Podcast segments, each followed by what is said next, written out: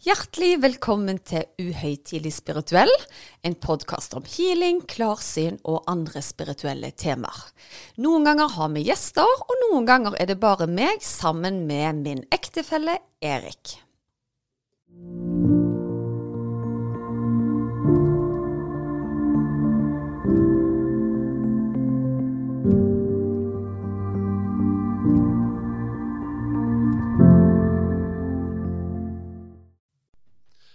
Vel, Susanne. Da var vi i gang igjen. Ja, i dag gleder jeg meg veldig, for det er ei kjempeskjønn dame vi skal intervjue i dag. Ja, for i dag skal vi snakke om noe som du er veldig glad i, og det er jo mat. Jeg er veldig glad i mat, men det som er da, er det at veldig mange har problemer med mat. Og jeg har jo sjøl gjort store endringer i mitt kosthold, rett og slett fordi jeg kjente på kroppen min at jeg måtte gjøre endringer, da. Og det har jeg snakket om i tidligere podkastepisoder. Ja, og jeg føler jo ofte at du kjenner på kroppen din at jeg må gjøre endringer òg. Ja, jeg kjenner veldig intuitivt at nå, Erik, bør du spise litt bedre. Men veldig mange opplever at de mister kontrollen i forhold til det med mat. da. Og hun Torunn har en fantastisk historie hvor hun deler så åpenhjertig om hva hun har vært igjennom, og hva grep hun har gjort for å få livet sitt i balanse. da. Så Ja. Gleder meg veldig til å høre hva hun har på hjertet. Ja, for hun Torunn har vi med oss som gjest. Det har vi. Velkommen til deg, eh, Torunn Ytrehus. Tusen takk, veldig stas å få være her med dere begge to. Ja, Veldig kjekt du hadde lyst til å, å være med. Vi har jo hørt en del på podkasten din og syns du har en interessant historie. Klarer du å gi en kort eh, oppsummering eh, for våre lyttere? Ja, gjerne. Eh, Jeg heter jo da Torunn, er fra Tromsø og har tidligere vært eh, toppidrettsutøver og spilt basket. Og alltid vært en jente som har sett ut som hun har fått til alt på utsiden. eh, Og hatt store mål, reist rundt i verden alene og spilt basket. Men også hatt et vanskelig forhold til mat. Og skjult det for alle. Jeg hadde en litt sånn kamp alene, der jeg var perfekt utad og alltid blid og fornøyd. og gjorde det som jeg trodde var forventa av meg, og så rømte jeg med å spise, med å låse døra og rømme fra vanskelige følelser. Og jeg følte at jeg var den eneste som hadde sånn i hele verden, og det ble bare mer og mer skam rundt det. Og det var jo, som jeg sa, noe jeg skjulte fra Det var ingen, ikke mine nærmeste engang, som visste hvordan jeg egentlig hadde det, og da blir det ganske tungt å bære. Og så var det jeg skjønner i ettertid at jeg alltid har vært eh, åpen og intuitiv og litt spirituell. Eh, så første opplevelsen min jeg hadde rundt det, egentlig var i 2012, januar, der jeg plutselig Det var bare et eller annet som kom over meg med at det her skal ikke være livet mitt lenger, det her skal ikke være min historie. Så jeg ringte mammaen min og bare sa at jeg går ikke ut av leiligheten min før noe endrer seg. Eh, og da starta min reise med å få det bedre, med å bli bedre kjent med, med meg sjøl og få et bedre forhold til meg sjøl og mat, rett og slett. Begynte å åpne meg opp for de rundt meg, og sakte, men sikkert så begynte jeg å knekke de her kodene med at det er ikke dietter som skal lede dit vi vil. Vi trenger ikke å prestere utad, vi trenger mer å lytte til oss sjøl, leve i tråd med våre verdier og det som er riktig for oss. Og da etter hvert har jo det gjort til at jeg har skapt min egen drømmejobb med at jeg nå hjelper andre damer med å komme ut av overspising og trøstespising og et vanskelig forhold til mat. Så det har leda meg i riktig retning, selv om det var vanskelig å stå i der og da. Ja, fantastisk historie, det må jeg jo si. Er en ting som jeg bet meg merke i, liksom, du, du nevnte du var litt sånn spirituell, men kan du forklare, eller klarer du å sette ord på hva er spiritualitet for deg? Ja, det er et veldig godt spørsmål. Uh, For meg så er det at eh, jeg føler at jeg har noe jeg stoler på, og noe som jeg har kontakt med som er større enn meg. Eh, som gir meg perspektiv, som gir meg trygghet, og noe jeg kan teppe inn i eh, når jeg trenger retning, når jeg trenger tillit, og når jeg trenger rett og slett å Det er som å ha et indre univers for meg, der jeg samarbeider med universet, da, som jeg tror på, og som jeg lytter mye til. Eh, og da lettere får kontakt med min intuisjon og får rett og slett litt sånn guiding på min vei, som jeg føler det, da. Og det var det som skjedde den januardagen i 2012, og jeg har flere opplevelser rundt det. Der jeg rett og slett ikke helt kan forklare det, men jeg kjenner i hele min egen kropp hva jeg skal gjøre, og at det er noe som leder meg i riktig retning. Så det er rett og slett noe som jeg har åpna mer og mer opp for, og som gir meg veldig mye trygghet og støtte. da. Det er som et indre univers, og at jeg alltid liksom kan stole på at jeg er på riktig vei, og at ting skjer for meg og skjer av en grunn. da. jeg tenker jo ofte at som barn så har vi jo på en måte litt den naturlige kontakten med sjelen vår. Og så skjer det noe underveis i prosessen som gjør at vi mister litt taket på den, da. Så det jeg lurer litt på da, kan det være at siden så mange sliter med dette forholdet til mat, at det er en prosess hvor vi går litt på akkord med oss sjøl, da? At vi prøver å fylle det tomrommet med et eller annet. Mm. Det er så eh, riktig, det du sier. fordi at veldig mange prøver og tror at løsninga har blitt strengere med seg selv, og tror at det er fordi de er svake og at de må bare finne en perfekt diett, når det egentlig handler om noe så mye dypere. Det handler om at vi har noen behov som ikke blir møtt, og at vi ikke lever i tråd med våre verdier. Og mat blir en kjempelett løsning for å rømme fra det. Det er lett tilgjengelig, det utskiller masse lykkehormoner raskt i hjernen og vi spiser noe med mye fett og mye sukker. Og det kan gi oss en veldig sånn tydelig pause fra de kravene vi stiller til oss sjøl ellers i hverdagen, og at vi føler kanskje at vi ikke er helt der vi ønsker å være. Så blir mat noe som gir oss trøst, gir oss glede, gir oss gode følelser, men desto større nedtur etterpå. Så det er en lett måte å prøve å ta kontroll, og en lett måte å ville rømme fra ting fordi at vi egentlig er sultne på noe annet i livet vårt som vi ikke dekker. Vi får ikke dekket de behovene vi egentlig har da. Ja, Det nevnte jo du her om dagen, Susanne, at uh, altså, følelsen av sorg når du har mista noen, er jo egentlig en slags sultfølelse. Ja, det så jeg faktisk ja. her en dagen. Eh, jeg har et familiemedlem som er ganske syk, og så bare kjente jeg på en sånn en vond følelse i kroppen. Så sier jeg til Erik det kjennes jo egentlig ut som å være sulten. Så min mm. naturlige da, refleks er jo egentlig å gå til kjøleskapet, sant? fordi at det, det, må jo være et eller annet her for å, for å, justere det. Nå har jo jeg aldri hatt det problemet med mat som du beskriver, men jeg skjønner hvor lett det er å gå der hvis du da har veldig mange av disse følelsene. Nå gjelder jo dette en, forhåpentligvis en kort periode i mitt liv, men at det da er lett for å bruke mat som en døyvemedisin der og da. Mm. Og i hvert fall hvis følelsene er der i morgen og i overmorgen, da vil jo ingen ende ta, på en måte.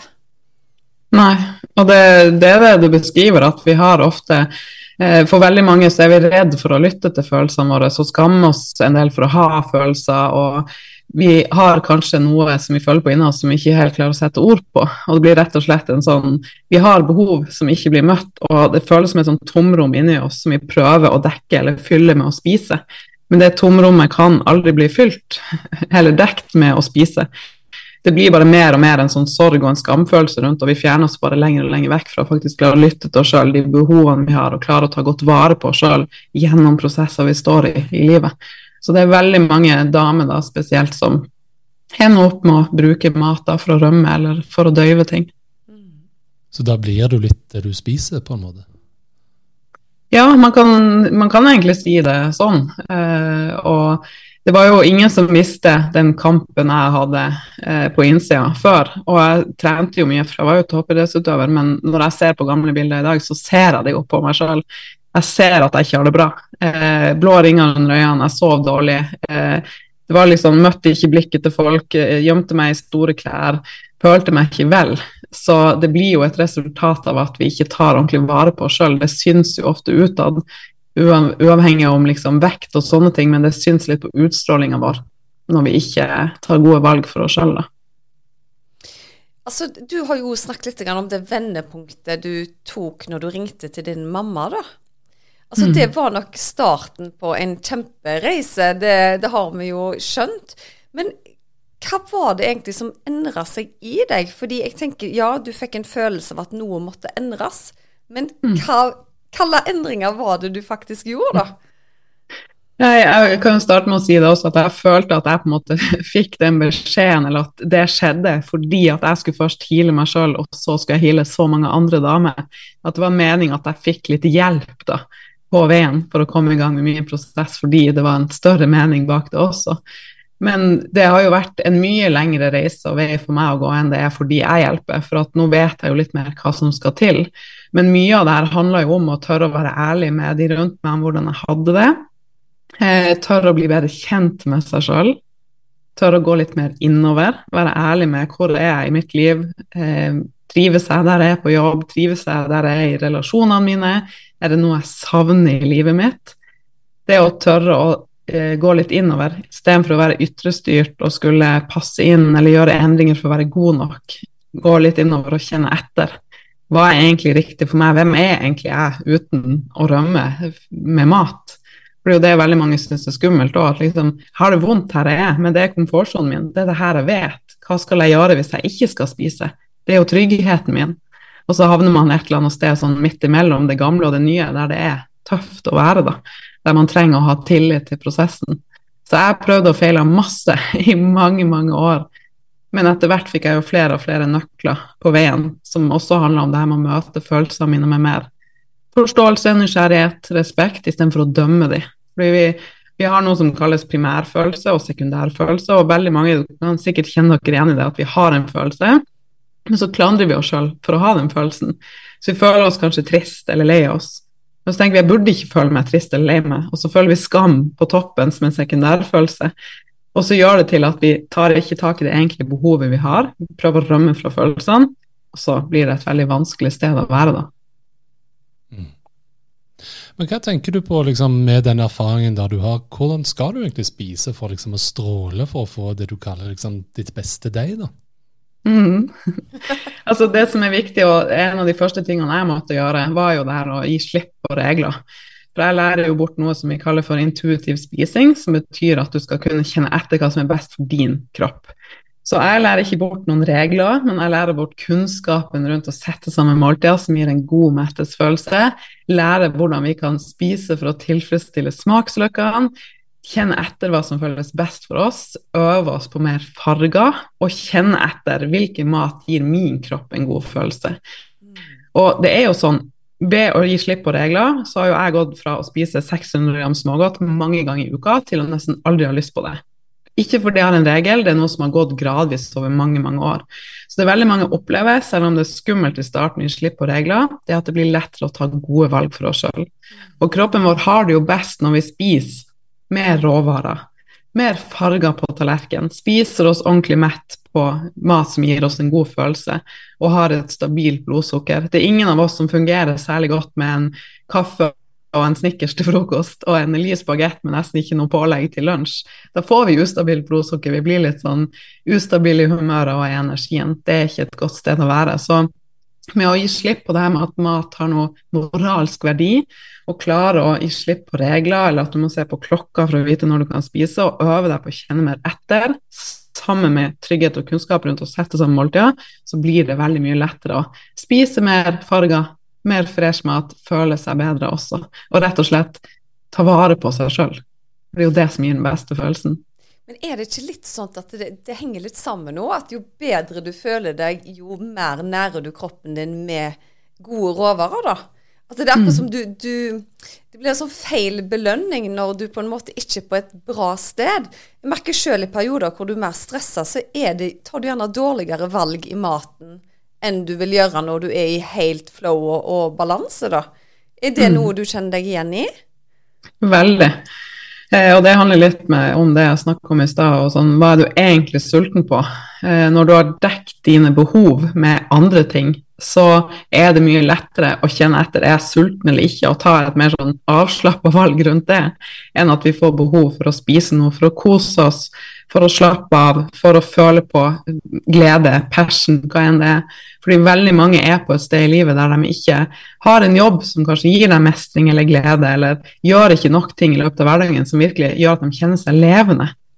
Og ikke kanskje tar vare på seg sjøl. Da blir det veldig vanskelig det her med mat plutselig. Så med en gang vi snur det og dekker våre egne behov og får det bedre med oss sjøl, så plutselig blir maten mye lettere på den andre sida. Det kommer som en sånn bonus av seg sjøl, da. Når vi er ærlige med oss sjøl og klarer å ta bedre vare på oss sjøl og dekke de behovene vi egentlig har. Så egentlig, når, de, når, du jobber med mennesker, da, så vil jo kanskje mange tro at dere kun snakker om mat, men det er kanskje noe som kommer lenger nede på lista, det, da? Ja, rett og slett. Vi begynner faktisk med forholdet vårt til oss sjøl. Vi begynner med vårt hvorfor, som er kjempeviktig å få kontakt med. Hvorfor ønsker du å skape en endring? Eh, fordi veldig mange kommer jo til meg kanskje med et ønske om at men jeg har alltid villet gå ned i vekt. Vil gå ned i vekt. Og så er det veldig ytre styrt. De vet jo, men jeg skal jo gå ned i vekt, for da tror jeg at jeg føler meg god nok, eller kan gi meg sjøl tillatelse til å leve livet mitt mer fritt. Men vi trenger å gå dypere inn i vårt hvorfor. fordi hvis vi bare tenker ja, men jeg vil jo litt ned i vekt, så er det veldig vanskelig å ta de kjipe valgene som å dra på trening versus å legge seg på sofaen når man er litt sliten. Mens hvis man går litt dypere inn i hva er grunnen til at du ønsker en endring, hva er du redd for skal skje hvis du ikke klarer å få til den endringa, hvordan ville hverdagen din blitt annerledes? Og veldig mange er jo sånn åh, shit, jeg trenger å gjøre denne endringa for at jeg vil ikke være et dårlig forbilde for barna mine. Da får du plutselig tak i en helt annen kraft inni deg til å ta helt andre valg. Så vi begynner med våre verdier, vårt hvorfor, forholdet vårt til vår egen kropp og til oss sjøl, og jobbe parallelt med det og med forholdet vårt til mat, og lære mer om mat. For det er det som er nøkkelen til å virkelig skape en varig endring, da, med letthet og en god følelse. Men du er jo veldig opptatt av dette med å ikke ha regler i forhold til mat, noe jeg syns høres veldig sunt ut. Men er det noen mattyper som er på en måte verre for å på en måte friste det der matudyret i oss, da? Ja. Vet sikkert hvor jeg vil, vil hen. Jepp. Vi har noe som heter sult- og mettelseshormoner. og Det er derfor jeg lærer bort hvordan vi kan spise for å spille på lag med de. Og litt som jeg sa i stad, det er ingen av oss som klarer å ha det særlig digg hvis vi hadde bare spist liksom ultraprosessert mat, altså en frokostbehandling full av sukker til frokost og en Snickers bare til lunsj med en appelsinjuice til f.eks. Da får vi ikke en særlig god mettelsesfølelse eller en god følelse. Så det å sette sammen måltider med litt mer sånn sunt fett, proteiner, farger og fiber, det gir en så mye bedre følelse. Mens ting som er veldig prosessert, raske karbohydrater, mye sukker, det gir oss ikke en så god følelse. Og Det kan du mye mer komme i kontakt med uten å dømme deg sjøl når du ikke har regler, da. At det blir lettere å Nei, jeg har lyst til å sette sammen en fresh salat med en digg dressing til, for da vet jeg at jeg føler meg mye bedre, og det gir meg en god mettesfølelse. Og så kanskje fordi Toren har sagt at vi skal spise for å tilfredsstille smaksløkene, og jeg liker litt crunch, så tar jeg litt tortillachips på toppen av salaten. Sånn leker vi oss litt og får en mye bedre mettelsesfølelse. det jeg syns er så fantastisk med Torunn, for jeg har deg jo på Instagram, og noen ganger så popper det sånn reels opp, da, vet du. Og det jeg syns er så gøy med deg, at du nyter jo faktisk måltidene. Her er det ikke noe bare å kaste inn på det første og beste. Her er det en eh, hel eh, prosess rundt det.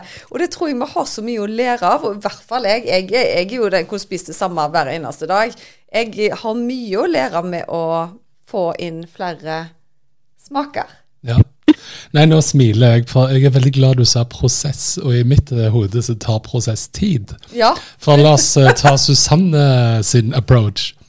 Vi må forandre oss, og så finner vi hva miksmasteren eller smoothien og hiver masse uh, spinat i.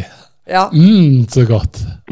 altså Det som er med vår familie, da, at jeg er jo veldig glad i sunne ting. Altså Jeg, jeg er bare glad i det. Jo mer grønt jeg kan putte oppi og sånn, så eh, serverer jeg det med glede. Men alle rynker jo på nesen i, i familien.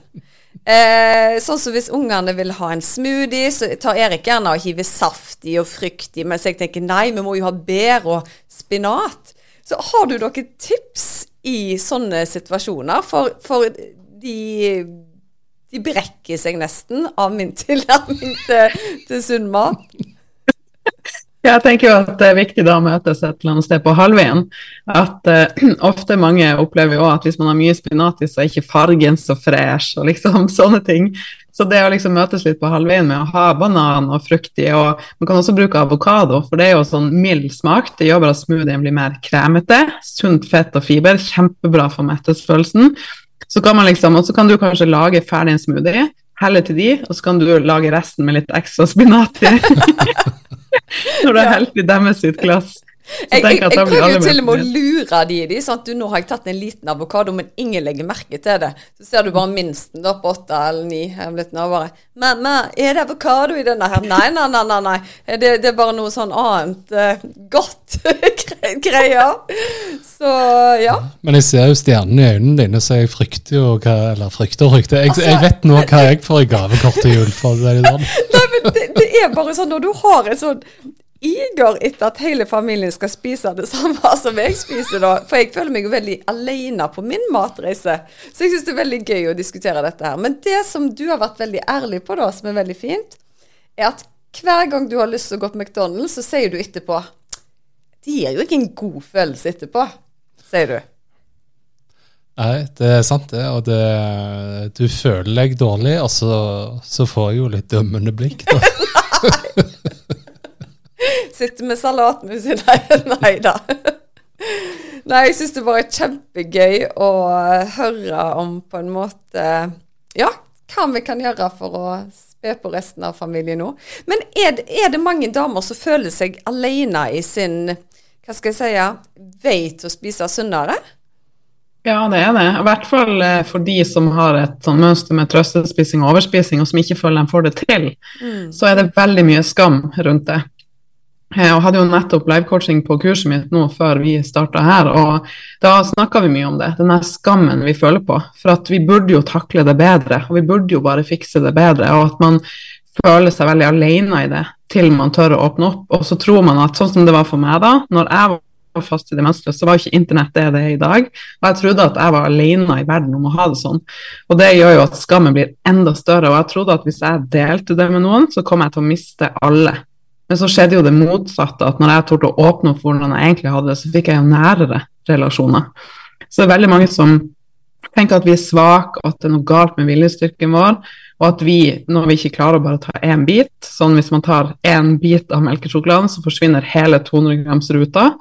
Så det er helt vanlig når man er fast der. Sånn er opplever mange det, det. Ja, det er godt at det er vanlig, ja. Du han må melde seg på, på kurs, kurs. Men, men jeg har jo vært veldig åpen om det i, eh, i podkast nå, at jeg er jo sukkeravhengig. Eller hva er det vi sier? Jeg er en restituert sukkeravhengig. Jeg syns han er veldig glad i diagnoser. Ja, så. nei da. Men jeg kutta ut sukker i 2012, nærmere. Ja. Fordi jeg har ikke kjangs til å ta fire sjokoladebiter. En 200 grams, lett ned, og jeg blir ikke kvalm engang. Kan godt begynne på en uh, nummer to. Så det kutta jeg ut for veldig mange år siden. Eh, rett og slett fordi at det blir nesten som narkotika, altså. Så jeg, men for meg så har det bare blitt et sånn naturlig valg etter hvert. At da er det bedre å avstå fra den eh, sjokoladen. Ja, og jeg tenker at eh, vi er individuelle, og noen har, har det sånn at eh, det er et eller annet som skjer i hjernen vår, og det er at det er lettere for oss å overspise det. Og jeg tenker sånn som med Smash, når reklamen sier det er vanskelig å bare ta én, så tenker jeg styr unna. Ja. Og det er det samme som jeg kjenner på i min prosess, at når jeg spiser Smash, så klarer jeg ikke å stoppe. Jeg får ikke noe ro, det er ikke kos. Jeg spiser bare til jeg blir kvalm, for jeg blir kvalm etter hvert. Ja, lucky. Og, ja, og da tenker jeg da er mye bedre å spise noe som gir meg ro, god følelse underveis og etterpå. Så det å tørre å være ærlig med seg sjøl at for meg så er ikke det det at jeg nesten aldri spiser sukker en regel. Det er faktisk fordi at jeg vil ta de beste valgene for meg, og du har kjent på det samme også. Mm. At du velger heller andre ting, for da slipper du å få det der at du ikke klarer å stoppe og bare spise mer og mer, for det er jo ikke et godt sted å være. Og for veldig mange så reagerer vi sånn på sukker, blant Mm. annet. da.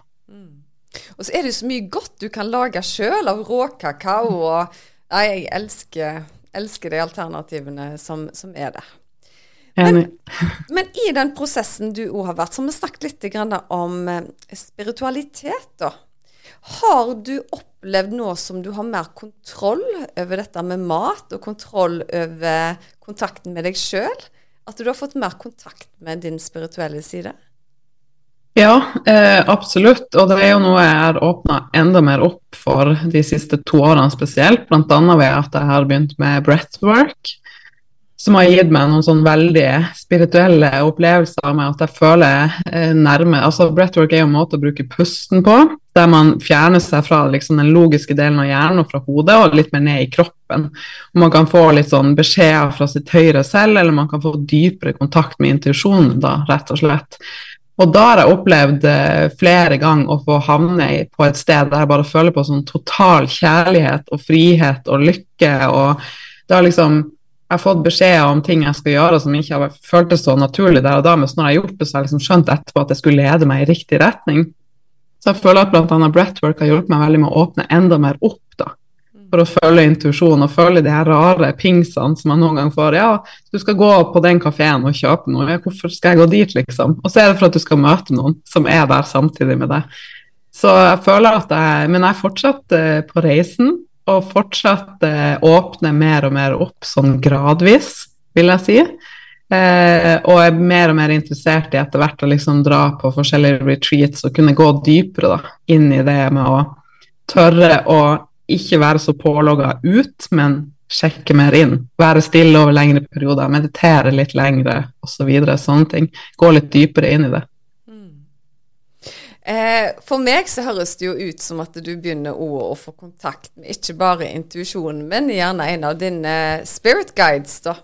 For når vi er veldig sånn eh, styrte på at vi faktisk hører etter når vi har den indre stemmen som sier du, nå skal du gå inn på den kafeen eller gjøre jeg tenker bare i forretningssammenhenger, du skal nå hjelpe damer å gjøre dette her, så tror jeg at eh, du nok har kontakt med krefter som virkelig vil deg vel, og som vil andre vel. da. Så jeg syns mm. bare det er kjempegøy at du tar det på strak arm, og det har jo virkelig fått deg der du er i dag, da. Så det er mm. kjempegøy, altså. Så du er nok bare i starten i den kontakten, tenker jeg, da. Jeg kjenner det. Mm. Men uh, du sier damer. Er, er, det bare damer du hjelper? Ja, uh, det er jo uh, flere menn som har spurt meg om Men foreløpig så er det damer som jeg hjelper, og som jeg rikter meg mot. Og det er litt fordi at jeg vil at den energien og den stemninga vi skal ha i gruppe på kurset mitt, skal være så trygg at alle tør å åpne seg for en så viktig del av prosessen.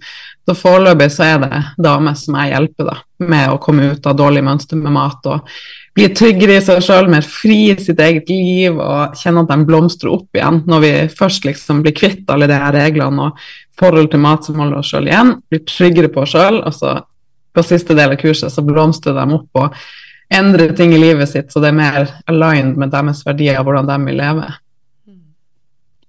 Fantastisk. Men Er det noen som sier liksom etterpå at dette her, altså når du på en måte rydder i boden, som Susanne pleier å si, hvordan blir livet etterpå? da? Har de kommet tilbakemelding med det? Ja, det er veldig mange som ender opp med å bytte jobb, eh, starte på en ny utdanning, eh, avslutte relasjoner som de merker ikke har vært bra for dem. Rett og slett gjør ganske sånne store endringer ellers i livet, for nå får de mer kontakt med hvem de egentlig er, og hvordan de egentlig vil leve livet sitt. Da. En mye sånn større trygghet rundt å kunne gjøre det kunne leve et liv som er best for dem, og som føles bra på innsiden, og ikke bare et liv som ser bra ut utad, som er lett å havne i, da.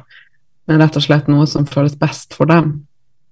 Så det kan nesten høres litt ut at har du på en måte veldig mye problemer med mat, og så blir du nesten som en rus på en annen Sammenlignet med alkohol, da, f.eks. At de sier at alkoholen tar over livet ditt, på en måte. Så kan det jo da høres ut som at det gjør faktisk mat òg. Mm. Ja, man bruker så mye tid, energi og tankevirksomhet eh, på det med mat når man er fast der. Man gruer seg til sosiale settinger, man tenker på mat. Burde jeg spist det, burde jeg ikke gjort det, hva kan jeg spise etterpå? Eh, være liksom på diett, skulle passe inn i noe, være god nok. At man har ikke plass til så mye annet i livet. Det tar rett og slett over livet litt, sånn som det gjorde for meg. Og det gjør ofte at man holder folk på avstand og setter ting på pause til man skal komme til et sted der man blir fornøyd. Så når vi liksom fjerner de her tingene, så plutselig så har man masse tid og kapasitet til andre ting i livet. Men oss som er småbarnsforeldre som skal vokse opp nå til å bli flotte ungdommer, hva tips har du der i forhold til å være en støtte? For vi leser jo utrolig mye om utfordringer, spesielt med jentene og mat i den alderen som vår datter er på vei inn i nå. Hun er tolv. Mm. Ja, det er veldig viktig at eh, det er en stor motivasjon bak eh, det jeg gjør. Eh, det å hjelpe damer så vi sammen kan ta mer ansvar for neste generasjon og være gode forbilder. Så det viktigste vi gjør Altså ved hele kroppen min bare dzz, Så her var det noe viktig du skulle si. ja. ja, ja. Og det her, jeg har jo en datter som snart er tre år, eh, og det her har blitt mer og mer viktig for meg eh, etter at jeg ble mamma også. Og bare tanken på hva hun skal se meg gjøre og si, nå når vi vet hvor viktig det er. Altså, vi, Vår programmering blir jo ofte skapt fra vi er null til sju. Det er da vi som barn liksom ser hvordan folk rundt oss er, oppfatter hvordan ting er i verden, og så blir det en sånn programmering som vi lever etter. Så jeg vil ikke at Mille noen gang skal se meg stå i speilet og dra i klærne mine eller snakke meg sjøl ned.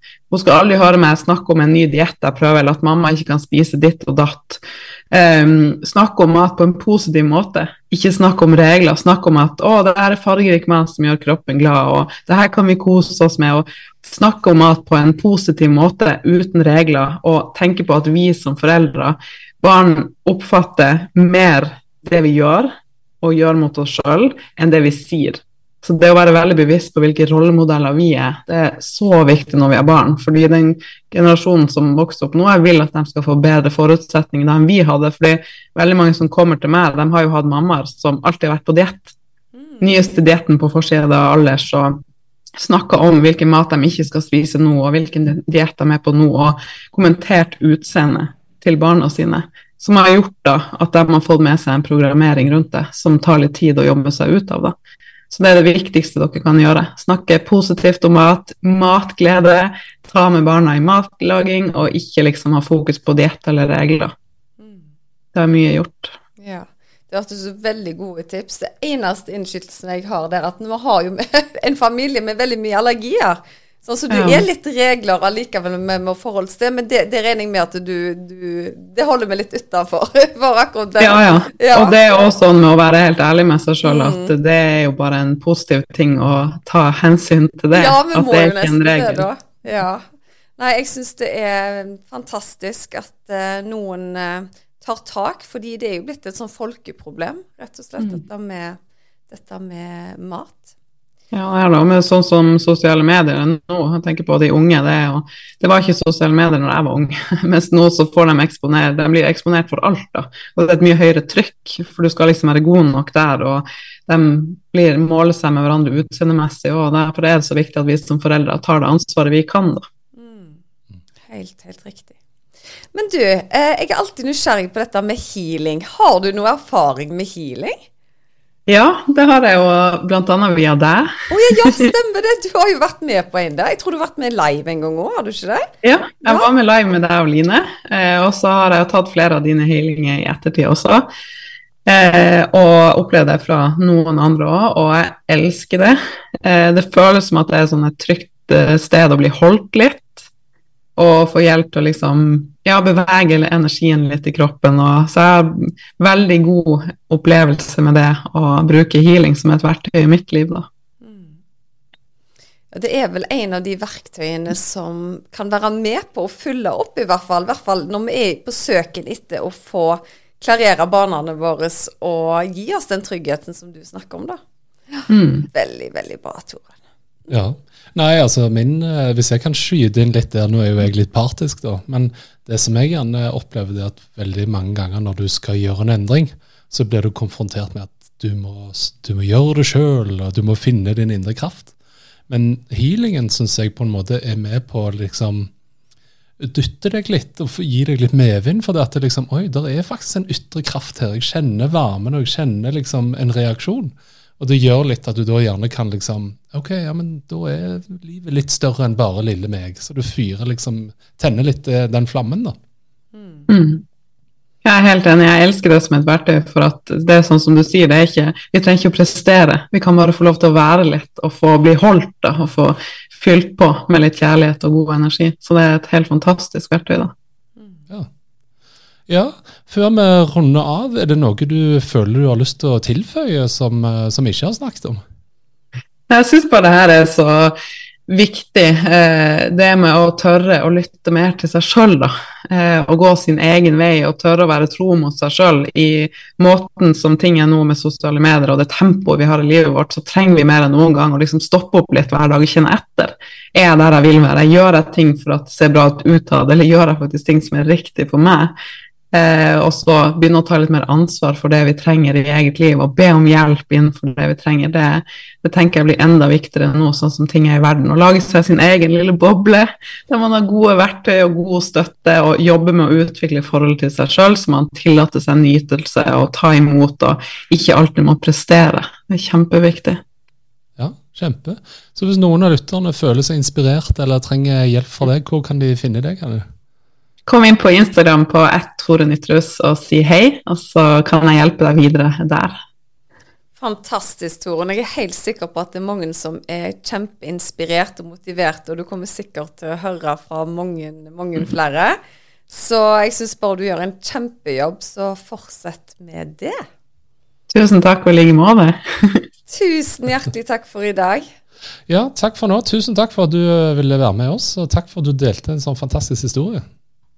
Ja, Susanne, så var vi alene igjen. Det var vi. Det føltes nesten litt tomt nå når hun ikke var her lenger. Men jeg er så heldig at jeg skal jo treffe henne neste uke, så da har vi alltid noe kjekt å snakke om. Ja, det blir jo bra. Men jeg syns dette var veldig lærerikt. Altså, vi har jo snakket om eh, livets jul før her på, på podden. At uh, livet består av på en måte åtte kakestykker, og helse er jo bl.a. en av de. Mm. Og jeg syns det var en veldig fin tilnærming å begynne gjerne med, med, mat og helse, for å rydde opp i på en måte, rydde i boden på de andre kakestykkene. da. Ja, for som du ser at veldig mange bruker mat og døyve følelser, da. Og jeg for min del bruker nok spiritualiteten til å fylle et tomrom som gjerne andre bruker mat til å fylle. Så ja. hvis du kommer mer i kontakt med sjelen din, så blir det òg mindre behov for overspising, da, tenker jeg. Ja, og eh, jeg tenker vi har jo snakket om liksom folk som ønsker å bli mer spirituelle, da. Eh, og gjerne matveien er én måte på, på en måte å rydde litt plass, og så kan du meditere for å ta neste steg, osv. osv. Mm. Så en eh, fantastisk eh, inspirerende dame som har hjulpet veldig mange med overspising. Så jeg er utrolig takknemlig for at hun ble med i dag. Ja, og så syns jeg det er et veldig viktig budskap at uh, det er lov å prate om ting som uh, du gjerne føler er vondt, for det plutselig så er det andre òg som har det så vondt, og da blir det litt lettere å bære. Mm -hmm. Helt enig, Erik. Ja, jeg er så klok. Du er så klok. Ja. Tusen takk for i dag. Takk for i dag. Ha det, ha det.